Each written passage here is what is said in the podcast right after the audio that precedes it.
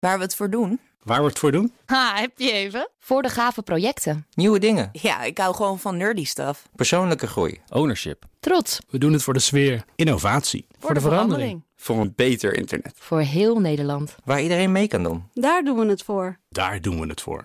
Waar doe jij het voor? Kom werken voor KPN en groei op jouw manier. Check de actuele vacatures op het gebied van data, security, development en networking op jobs.kpn.com/tech. Wetenschap vandaag. Veel virussen, waaronder COVID-19, hebben aan de buitenkant een beschermlaagje van eiwitten, vetten en suikers. En nou laat nieuw onderzoek zien dat het saboteren van dat suikerlaagje wel eens de sleutel kan zijn bij het kapotmaken van het virus. Carlijn Meijers, goedemiddag. Hoi Roos. Kapot maken. Ja, Hoor je dat? goed, hè? Ja, ik heb er ook echt Zin in? behoefte aan dat dat gebeurt. Ja. Goed, hoe is het gaan doen? Uh, we gaan gelijk even naar onderzoeker Gideon Davies van de Universiteit van York. Hij vertelt meer over die relatie tussen zo'n virus en dat suikerlaagje. The way viruses work is they, they, they stick to the outside of our cells, they enter the cells, and then they replicate. Many viruses, including SARS-CoV-2, have what's called glycosylation. They have sugars on the outside of the viral proteins, which are essential for function. And so when we're looking to target some of those proteins, we're looking at what enzymes, what catalysts inside a human cell are essential for the formation of these sugar chains on the virus.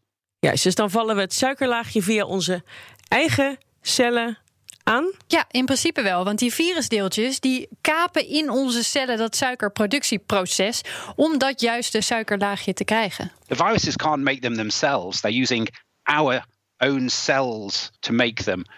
And so the challenge is, is looking at the pathways for the formation of these sugars, these glycans, and seeing which enzymes you can disrupt to change the glycosylation, to change the state of these sugars, and hopefully reduce viral infectivity. Ze proberen dus eigenlijk de productie van dat suikerlaagje te beïnvloeden. En wil je dan dat hele suikerlaagje kapot maken? Uh, nou, niet eens per se helemaal kapot. Uh, ze willen het genoeg verstoren om, om te zorgen dat het virus minder stabiel is. En dat gebeurt eigenlijk al als er hele kleine foutjes in zitten. If you scratch your arm very strongly now and watch it go red, on that time scale, all those damaged cells are changing their sugar language to say they've been damaged to attract white blood cells. So all glycans are very specific and have to be the correct glycan for function.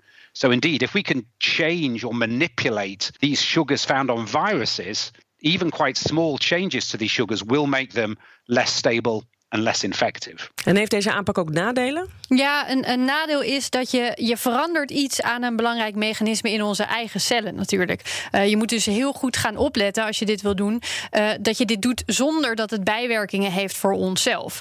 Uh, dat zijn ze nu nog aan, aan, het onderzoeken. Het grote voordeel van deze aanpak is ook belangrijk, is dat het zou kunnen werken voor allerlei virussen en niet voor eentje. En ook als het virus bijvoorbeeld muteert, zou dit nog steeds moeten werken, want ook dat virus moet door die suikerfabriek heen in onze cellen. En daar gaan we ze pakken. En weten ze ook al hoe ze die productie gaan verstoren? Ja, ze hebben uh, jaren en jaren gekeken uh, welk onderdeeltje van het proces, welke betrokken enzymen moeten we dan met een medicijn gaan aanvallen. En dat hebben ze nu gevonden. Een enzym dat het suikerlaagje eigenlijk bijtrimt voordat het door de controlepost van de cel gaat. Beïnvloeden ze die, dan beïnvloeden ze dus ook het virus. En dit zou dus ook werken voor het coronavirus? Ja, nou in dit onderzoek keken ze oorspronkelijk naar andere virussen, maar toen uh, kwam COVID voorbij en bleek al vrij snel dat ook dit virus zo'n suikerlaagje nodig heeft. En voor het verstoren daarvan lijken nu stofjes gebruikt te kunnen worden die ook al in bestaande medicijnen zitten.